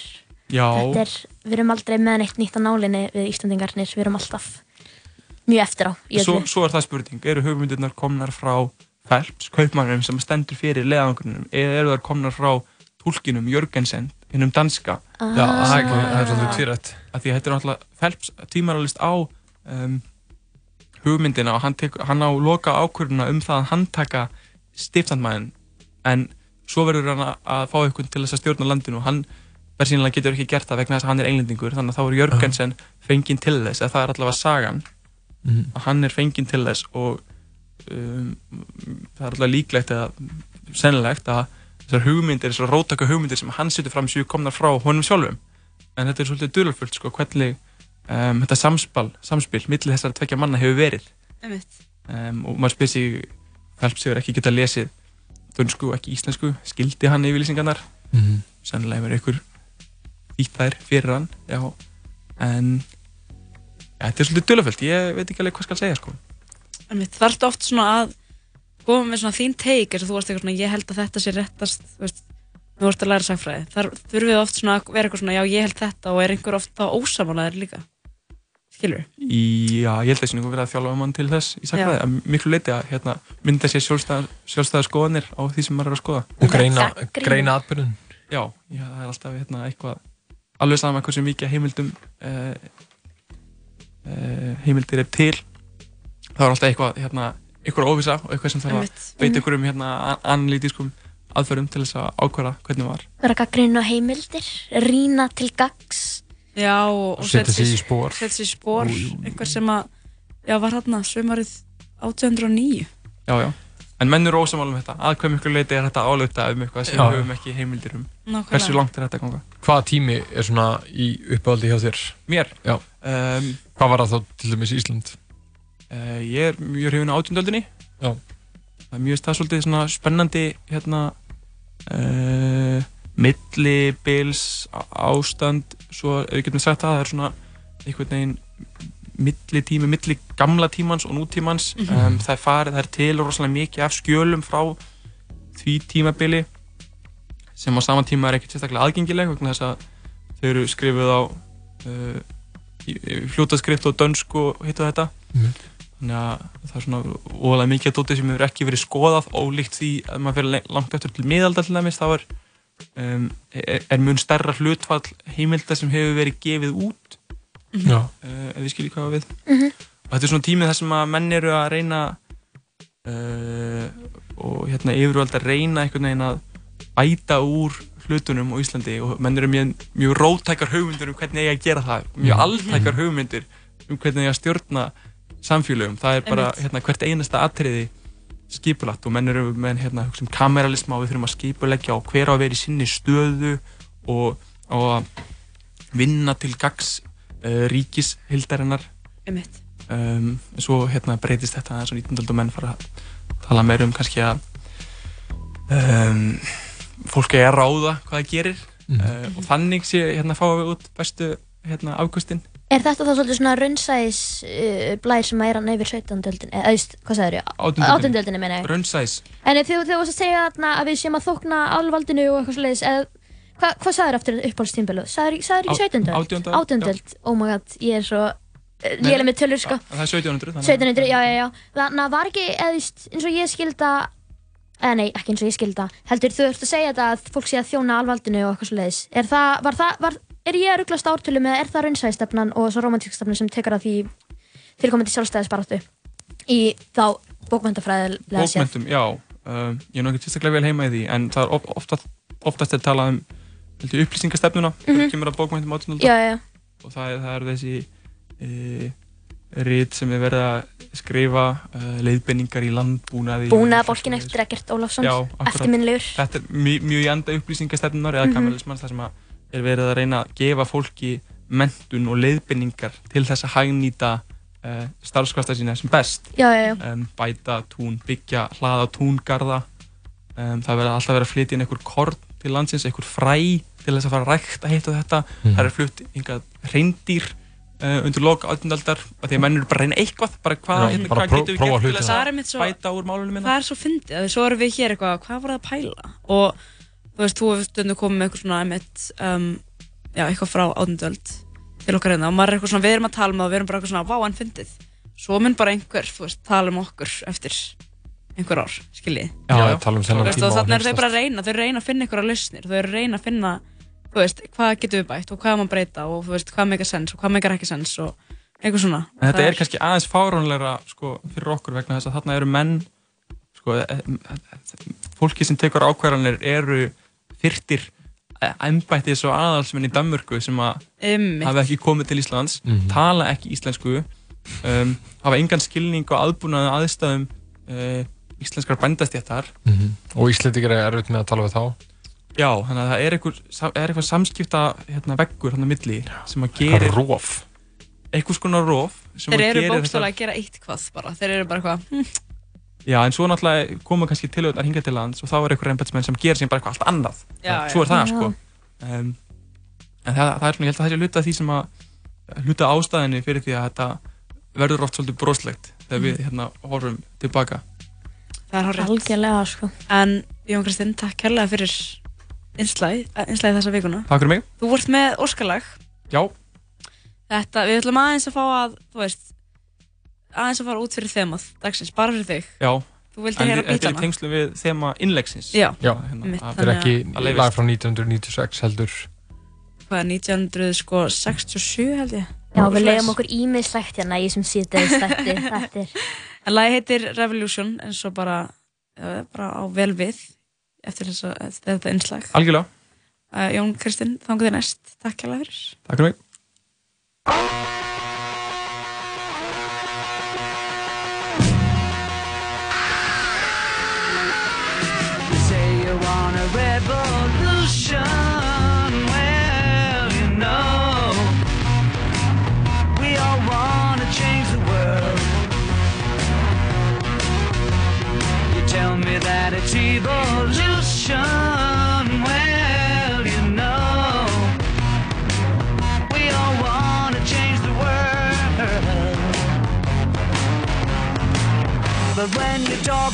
Destruction,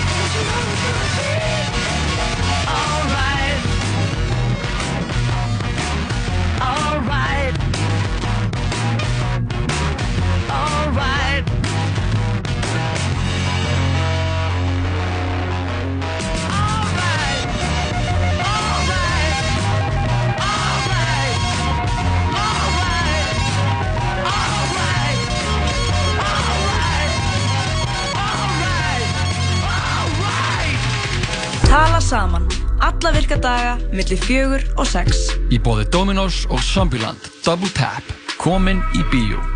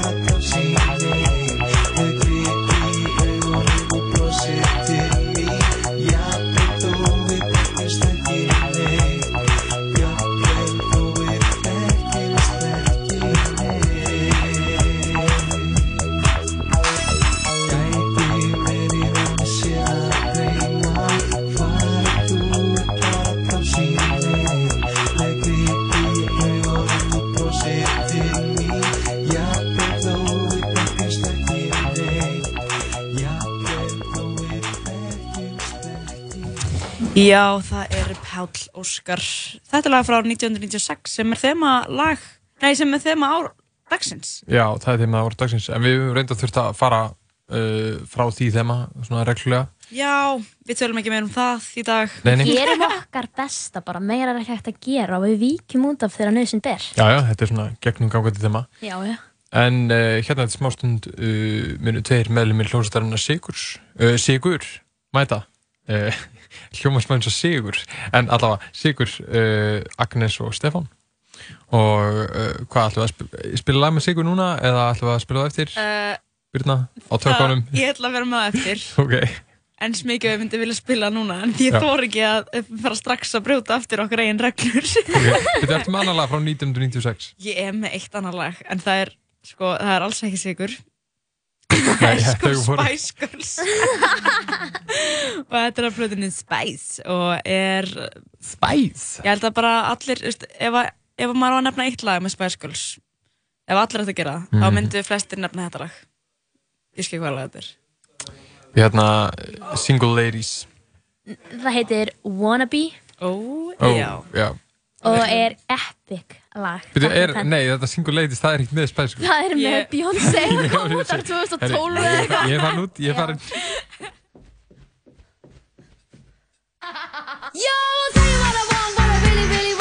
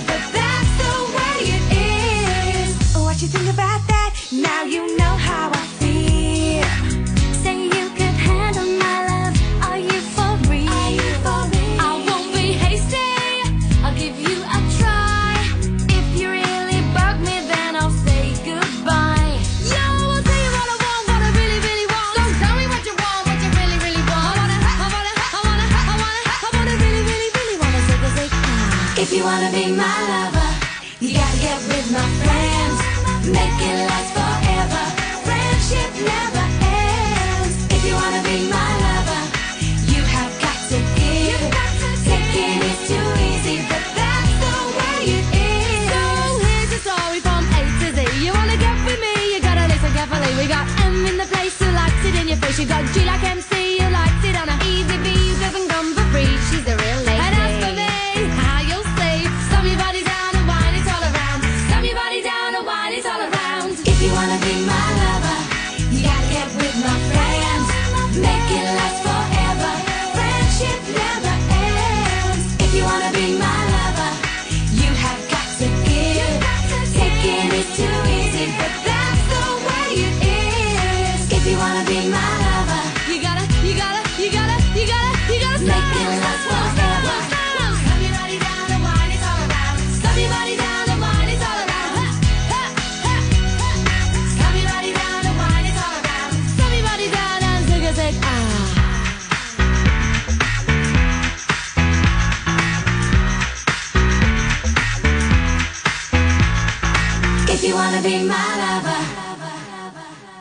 Það er Spice Girls lagið Wannabe, Wannabe.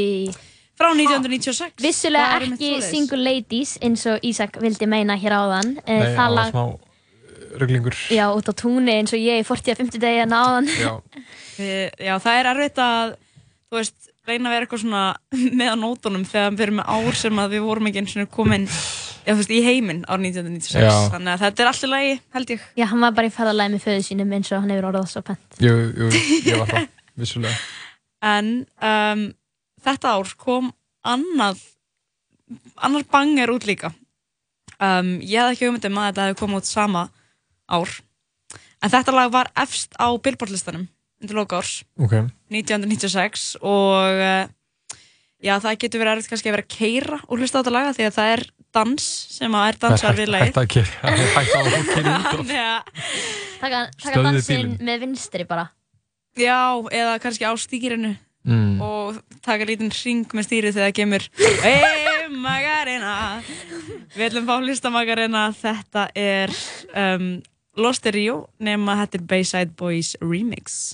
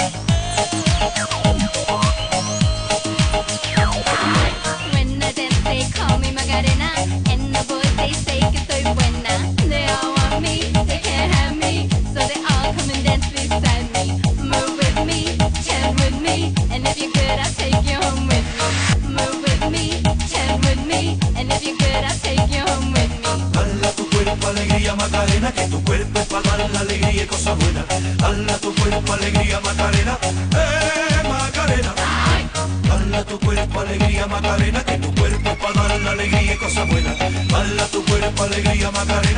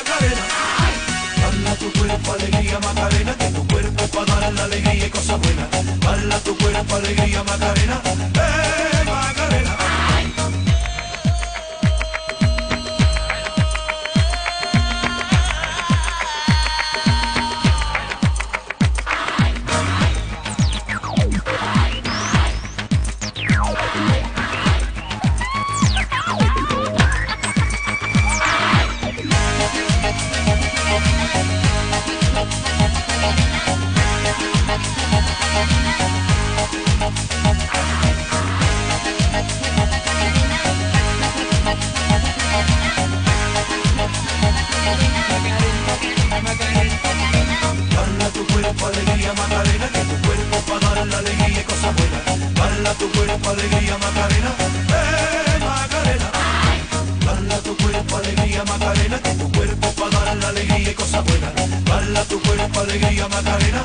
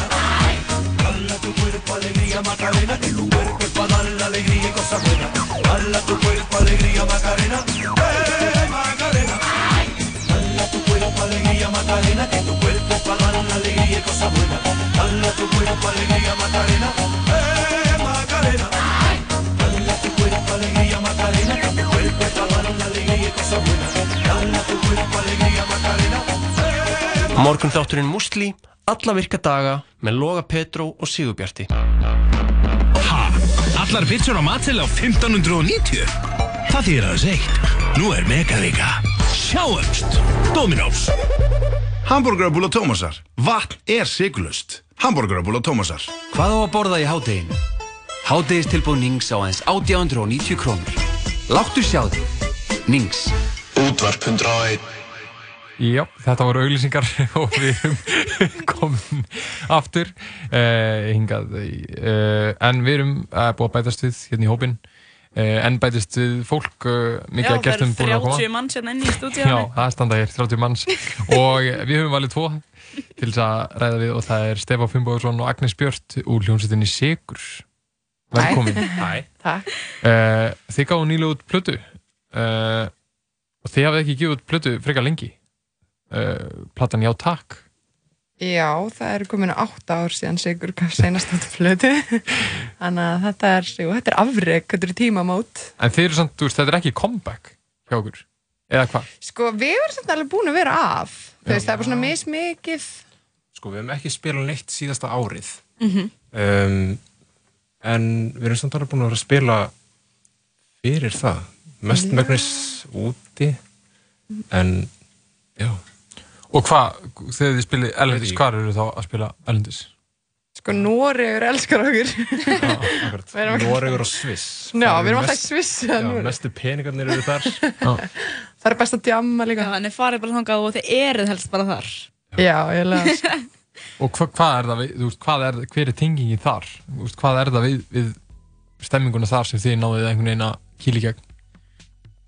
það er góð spurning. Um, ég held bara fólkið í Sviss og í Nóri sé svona svolítið líkt okkur, sko, Íslandingum. Mhm. Og þau eru alltaf komin, sko, til þess að skemmta sér þegar maður er að spila fyrir þau. Og þau eru alltaf til ykkar rugg, svona eins og Íslandingar. oft. Mitt. Það er líka svona dimmt og naburt og kallt og erfitt. Það Já. spilar mjög mikið inn í, sko, melodramatíkin. Já. Og, og fer það eitthvað í gegn í tónlistinni? Já, klárlega. Þessi plata nýja er mjög svona melodramatísk. Var einmitt Hún er svona, þetta, já. hún er alveg, veist, hún er manísk á köflum, sko, finnst mér. Mhm, já. Sumlaugin eru alveg trillt í einhverjum dansi og, og einhverju styrlun, en önnur eru bara, ég veit ekki, ná lægstu lægðum og, og taka mann mjög djúft, sko. Mhm. Um, já. Og hafið þið verið að vinna þessa plötu bara síðustu 8 ár eða hvað? og svona on og off sko, við gerðum plötu í mittiltíðinni sem okkur fannst ekki virka þannig að við ákveðum bara að henda henni Þannig þið gerðið heila plötu og hend, hend, henduð henni bara í ruslið? Já, þú veist, við vorum komin mjög langt með hana við vorum örugglega ekki búin að mixa hana eða mastera eða eitthvað þannig Já. en við vorum komin mjög langt með hana uh, en þú veist, bara tilfinningin var ekki góð fyrir henni og þá held ég þessi best bara að skrappa og byrja upp á nýtt sko. Mhm. En hvenar eru þið svona með fyrstu drauga þessari plötu sem, eru, sem var að koma núna út? Það er reyndar alveg sko eins og Strange Loop sem er á þessari blödu sem kom út sem singull, þú veist, hvað, 2000 og hvað var það, 2016 eða Já, eitthvað þannig Þú veist, það er alveg gamalt lag Það er mér svo lengra, 2014 Oh my god, nei! Vá. Það er bara 5 ár síðan Það er rosalegt Já. En það er öruglega elsta lagið á blöðunni, sko Þannig að Ég hin elska hvað þú ert mikill sagfræðingur Það er fortíðar Það er fortíðar 50 dagur í dag. En við erum að tala um, það eru nýju, nýju lög á þessari plötu og uh, við erum, Ísak, erum búin að vera að spila eitt frekar mikið. Mhm. Þannig erum við reyndar til þriðdagur nokkuð saman í útvarfinu en við erum alltaf búin að spila þetta í hverjum einsta þætti. Getið þið sagt okkur eitthvað aðeins frá því lagi? Já. Það er eins og að liggja einhvern svona mikil saga þannig á bakvið Já. um, Já, ég er búin að vera frekar upptekinn af um, svona íslenskri dölúð og þá einhvern veginn lítur maður alltaf fyrst á hvað við höfum sem er öðruvísi en aðra þjóður kannski en við höfum uh, huldufólk þannig að mér, ég svona já, ég sérst fór, var í Ísvefnum og var vitni að, að huldufólki þar og svona einhvers konar duðlega fullum atbyrðum og það var svona inspirationið fyrir þetta lag. Ég segi að við hlustum andalag og höldum svo áfram að um, spjalla. Sem að enda í lagið Svefneyjar þetta er Sigur og þetta lag er nýjast plötun þeirra. Já takk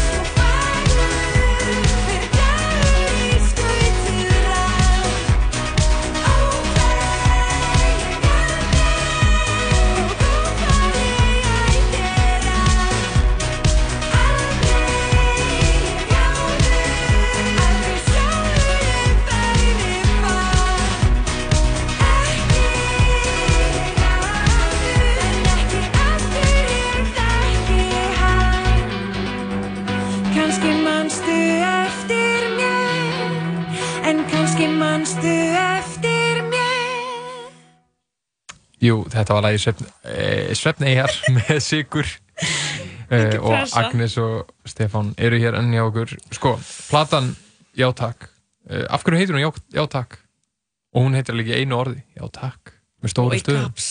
Já takk Já, takk. Hvort vilt þú segja að ég? Þú mátt segja Ok. Um, sko, við uh, erum með smá svona enga húmor sem, eða við það er erfitt að segja þetta. við notum þetta bara þegar við förum til Norex og hérna þá erum við með svona við erum að reyna að segja eitthvað í eins fáum orðum og við getum, við þú veist, og eins og ef við ætla að segja herru, ég ætla að taka með mig bjór, ef við fara út að rölda ég ætla að taka með mig bjór, þá segir við bjór í vas eða þú veist, þú ert alltaf að segja þetta er mjög mikið steik sko. Þetta er okkur einhver humor Er þetta líka í útvarpi? Getur komið Sjáum dæmi? fyrir ykkur og þú veist, og já takk er eitthvað svona sem kemur bara í beinu framhaldi af þessu, þannig að ef þið líst vel á eitthvað eða þú veist, þá þarft ekki að segja neitt meir en bara já takk, þá vita bara allir hvað er að tala um, skilur Já. og eru þið kannski líka að nota eru þið að nýta þetta líka á sviðinu þegar þið þurfið að þú veist, eiga samskipti milli hljóðfara eða þú veist, það, þið komist ekki haldur að komast frá hérna trommunum eða eitthvað? Mhm, algjörlega, stundum þar ég sko, stundum fæ ég Kristján sem spilar gítar til að hjálpa mér að finna tónin í lægi því að þú stendur á sviði það er oft bara mörg lögin byrja bara okkur crazy bassa sem verður bara svona söppaður og maður veit ekki alveg hvar maður er að koma inn. Þá segja allir bara gí horfi á hérna Kristján og þá veit hann hann að hérna, gefa mér inn Þá sko, segir hann, já takk. þá segir hann já takk þá kemur hljómurinn já þannig að jú, við notum þetta í mörgu þetta er mjög hættugt, ég mæla með fleiri hérna þetta er gott var ekki, svona- gerði ekki fósbræður þetta eitthvað svona, ég, nei stelpunar það var eitthvað svona það var eitthvað svona skets þar sem stelpunar voru og tala bara í eitthvað svona Svona stuttum orðum. Já. Bjór í vas. Það er mjög gott. Við um þetta sko. En þeir eru samt sko, þetta er svona mjög íslenskt svona, já, takk, en uh, lögin eru bæði á íslensku og ennsku, með ennsku. Akkurat. Hvað, er eitthvað pæling með, með því? Þannig að fólk er ofta eitthvað svona skipta bæ, annarkvæmt Já. bara íslenskt eða bara ennska. Sko um, fyrir ár síðan þegar við veist, fórum svona aktíft að semja og vinna úr svona gamlum demóum og eitthvað þannig og sem er nýtt þá veginn svona óvart urðu til rosalega mörg lög á íslensku. Mhm. og en síðan voru þú veist kannski 2-3 á ennsku uh, já, 2 sem voru komin út áður. Um, og eitthvað eitt sem við höfum spilað áður live. Og við vorum eitthvað að spáði þú veist bara eitthvað eftir þess að þróun eigum við að þú veist þýða lögin á íslensku? Mhm. og þú veist hafa þetta bara allt á íslensku? Og vorum alveg svona frekar skotin í því síðan bara ákveðið að þú veist fylgja frekar bara einhverju tilfinningu og Mhm. í þeirri stemningu, stemningu sem við vorum í þegar við sendum lögin á ennsku þá þú veist meikaði það Einmitt. og já það kemur, eins og ég sagði það kemur svolítið tilmanns þegar maður byrjar að semja lælinu og texta á svona hvort það eigi að vera á ennsku eða íslensku og þegar maður er eitthvað búin að ákveða það í huganum þá er svolítið erfitt ferðlega að snúa því við sko. en það er hægt en já, við ákveðum bara að leifa svo að, að- vera eins og það kom til okkar Ég er hérna með eina spurningu. Um, Lægið Motherload. Vitið þið sko, eina sem að Motherload minnum á? Kannski er enginn að eina að tengja. Kannski er einhver að tengja. Ingeborg er að tengja. Það er Sims. Vitið ekki hvað er það Já. um? Og vill þetta auka pening, þá maður alltaf eitthvað, þetta Ok. Motherload, og það vekk maður eitthvað þúsund dollara. og hvað, Rosebud Rosebud Rosebud og Motherlode En þetta er, þetta hérna, þetta er svolítið ekki komið frá Sims leiknum. Uh, nei, þetta er það ekki eða þú veist, kannski, jú, um pottet í, Ok, ok. í undirmeðundinni, pottet Hver getur tólkað þannig? út af því að þér, ok, ég hérna ég hef sérst þú veist, þetta er texti sem kemur, eh, þetta móðalót kemur frá mér og ég veit ekkert hvaðan það kemur, sko, þannig að pottet úr undirmeðundin, úr Sims Og þú spilaði Sims. og ég vissi ekki eins og hvað það þýtti, mér þetta bara að hljóma vel saman, eitthvað motherload gett svona heavy dæmi en þetta þýðir eitthvað ákveðið, Kristján var að segja að þetta þýðir eitthvað eitthvað, eitthvað, eitthvað sem er yfirnáttúrulega fallegt eitthvað svona Mm. Það er, Svona Já. kemur þetta oft eftir á. Einmitt. en hérna krakkar, það var mjög gaman að tala við ykkur og Sömuleiðis. þið voru að tala um eitthvað kannski verða einhverju tónleikar einhvern tímann á næsta ári Þið komið þá bara aftur og segja eitthvað betur frá því.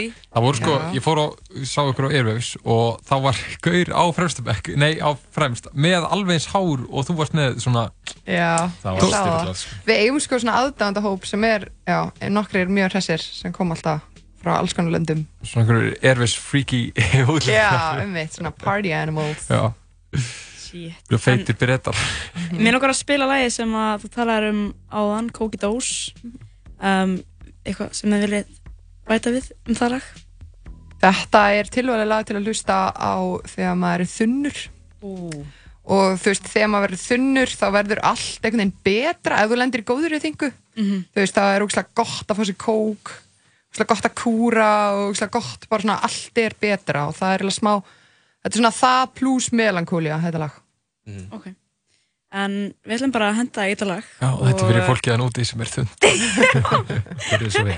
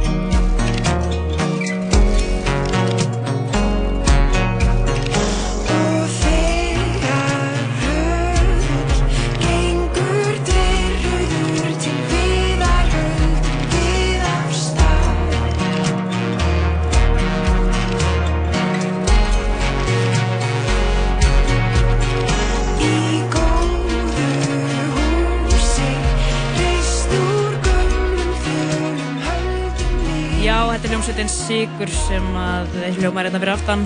Lagið Kóki Dós og þetta er sjálfsögðar nýjastu blöðun þeirra Já Takk. Jú, jú takk, jú takk, jú takk. Nei, það heitir Já Já, Takk. já, já, ég er, ég er að þakka þér fyrir. Þú ert að færa mér þetta og ég segi jú takk. Ok, ok.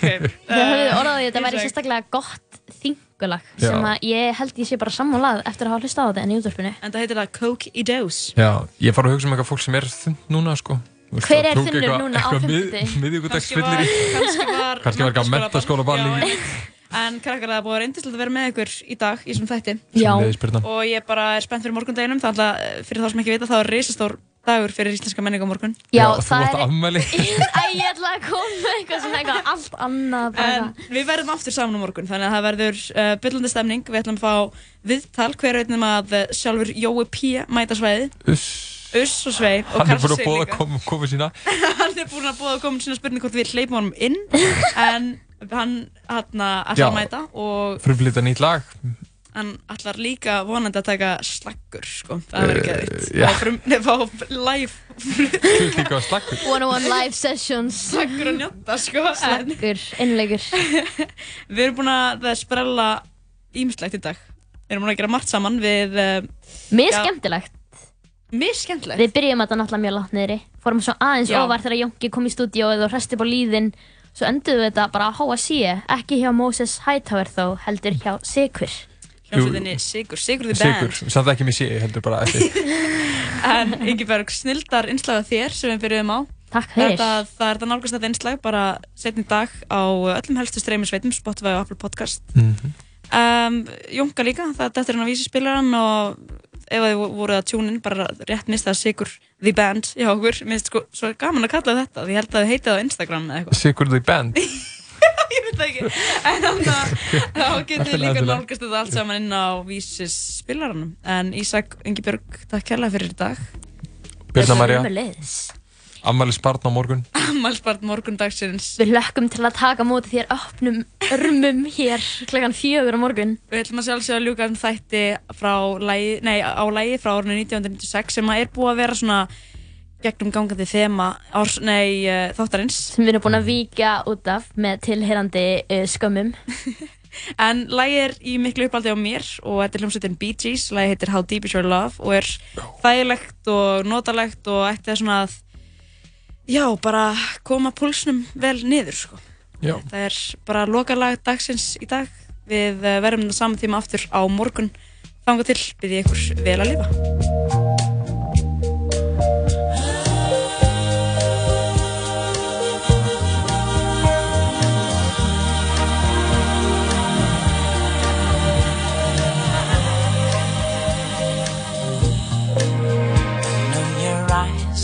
morning sun. I feel you touch me in